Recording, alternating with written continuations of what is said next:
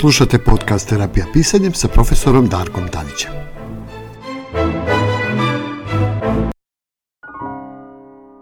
Mnogi me pitaju zašto terapija pisanjem i praktično kako to da terapija pisanjem može da nam pomogne u životu, da se bolje osjećamo, da rešavamo svoje životne probleme i da prosto se bavimo svojim duhovnim rastom i razvojem. Tema današnje emisije je upravo to, dakle, terapija pisanjem kao neka vrsta duhovnih vežbi u ličnom rastu i razvoju čoveka. Umetnost ima tu divnu moć da pomaže ljudima da razumeju sami sebe, jedni druge i sobstveni svet. Da bolje spoznaju dubine svog bića i da moguće sebi da rastu i pronađu smisao svog života. Umetnost kreativna upotreba mašte je praktično magičan kvalitet koji nas razlikuje od drugih živih bića na ovoj planeti. Kreativnost je tako proces učenja. Ne može duboko da utiče na našu sobstvenost i naš pogled na svet, zato što se dostiže iskustvom, istraživanjem i izražavanjem umesto instrukcijom. Uvek volim da kažem, Einstein je svojevremeno rekao znanje je ograničeno, a mašta obuhvata ceo, ceo svet. E, zašto pisanje? Pisanje je jedan sjajan metod za e, prosto samoterapiju i generalno za terapiju, jer se koristi u brojnim terapijskim pravcima, ali pisanje kao metod samo pomoći je jako koristan jer koristi jedan nežan, duboko ljudski način komunikacije u obliku narativa, pričanja priča, detaljnih opisa, eksperimenta sa tačkom gledišta, slikama, naročito metaforama i u slučaju poezije, ritma i ponavljanja. Kreativno i terapijsko pisanje može da komunicira psihološke, društvene, kulturne i duhovne istine. To se događa na jedan mekan, nežan način u samom procesu unutrašnje komunikacije. I tada pisanje postaje lekovito i ljudi mogu da dostignu odgovarajuće uvide, onda kada sebi dozvole da istraže svoje iskustvo, izraze emocije, sećanja i znanje. Prosto, pisanje je jedan jako dobar metod da e, čovek može da podigne svoju svest i da prosto e, sa tom jednom vrstom proširene svesti se probudi i počne na jedan potpuno drugačiji način da se gleda na sebe i svet oko sebe. Ja lično mislim da ljudi počnu da se razboljevaju i propadaju duhovno i fizički onda kada ispadnu iz sinhroniteta sa energijom univerzuma. Postaju asihroni kao pokvarena ploča i često to uopšte ne primete. Ili je primete kada već bude kasno, a šteta nepopravljiva. Tada vidimo, počnu da žive u svojim bolestima, obilaze lekare, kampuju u zdravstvenim ustanovima i tome slično. Nekada je ovaj asihronitet prouzrokovan spoljnim faktorima, recimo virusi, bakterije, fizička trauma, proces starenja organizma ili genetski defekt, a najčešće mentalnim kvarovima usled nerazumevanja zakona univerzuma i njegovog ogledala u moralu, normama, pravilima i organizacijom ljudskog života. I ne mogu da kažu da nisu znali, jer se večni zakoni prirode i ljudskog bitisanja generacijama prenose u obliku mudrosti i opšte poznatih i provedljivih istina kroz nauku, kulturu, umetnost. Asihronitet nastane kada podlegnemo našoj egocentričnoj prirodi i slabostima kao što su pohlepa, mržnja, sebičluk i počnemo da delamo protiv naše prirode i univerzuma u celini.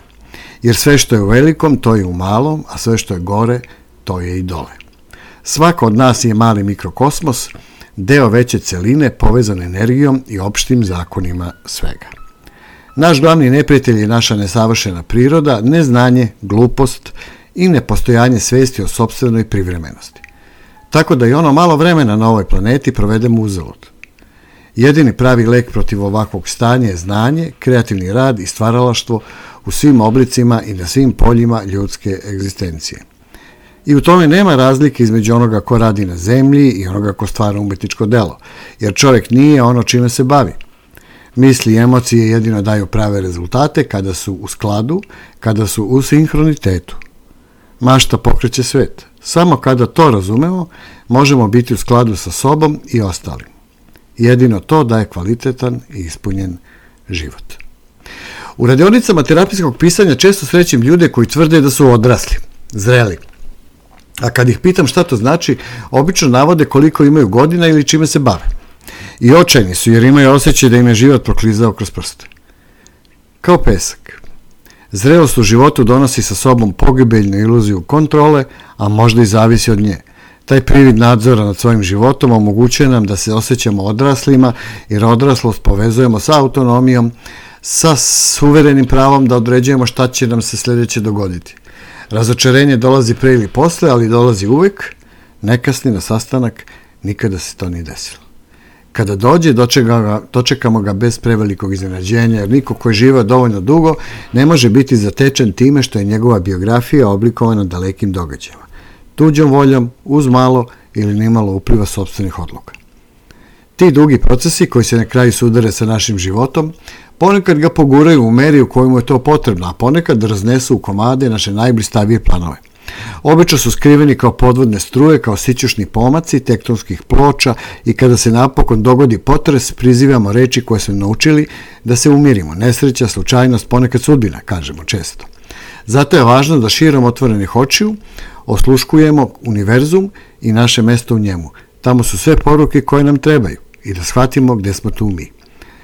Terapijsko pisanje je praktično idealan način da uspostavimo komunikaciju sa samim sobom i da počnemo da radimo na sebi. Pisci su od uvek znali za duboku lekovitu moć pisanja, još od grčke pesnikinje Safo, i tajno su dugo čuvali sve do skora. Danas pisanje je prepoznato kao moćan terapijski instrument u medicini, u društvenoj nezi, u psihoterapiji. Pisanje je moćan oblik komunikacije, možda i više nego govor. Ne iščezava našim udisajima i izdisajima. Kada pišemo, niko nas drugi ne može čuti, osim usamljenog praznog lista papira na kome ostavljamo naš zapis. Tako da je pisanje pre svega lična komunikacija sa našim srcem, sa našim unutrašnjim bićem. Terapijsko pisanje je tato proces dubokog slušanja i posmatranja mnogih naših unutrašnjih aspekata koji, se često, koji su često skriveni u budnoj svakodnevnici naših života. Neki od ovih aspekata ignorišemo, nažalost, na našu sobstvenu štetu. Ljudi koji pišu po prvi put, uz pomoć savjetnika ili terapeuta, često kažu otključio sam nešto što nisam znao da je uopšte tu. Ili, kažu mi često da li sam ovo zaista ja napisao.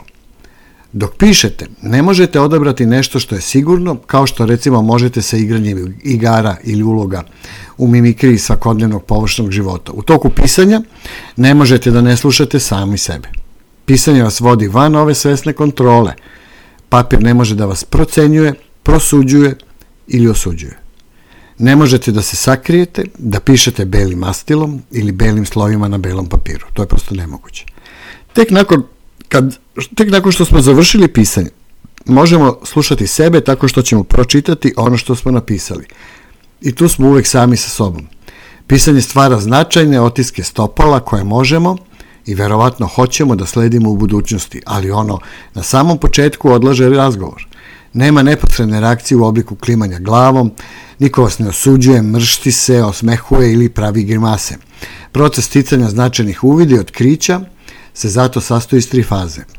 Prvo zapisivanje na papiru, onda čitanje onoga što smo napisali i na kraju eventualno čitanje i podela napisanog sa pažljivo odabranim drugima, terapeut ili grupa, odnosno voditelj radika, radionice, odnosno edukator.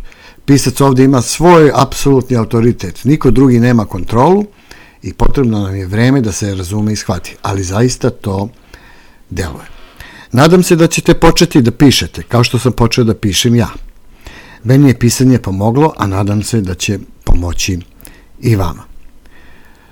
Govorit ćemo još o terapijskom pisanju i vidimo se u sledećoj epizodi. Pratite podcast, uživajte u terapijskom pisanju, radite na sebi, duhovno vežbajte i sigurno ćete imati jedan dobar, siguran i zadovoljan život. Do, slede se, do sledećeg slušanja, čujemo se.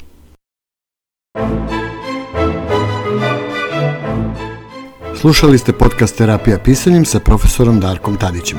Pratite nas i u sledećim epizodama na našem sajtu www.terapijapisanjem.com. Do slušanja.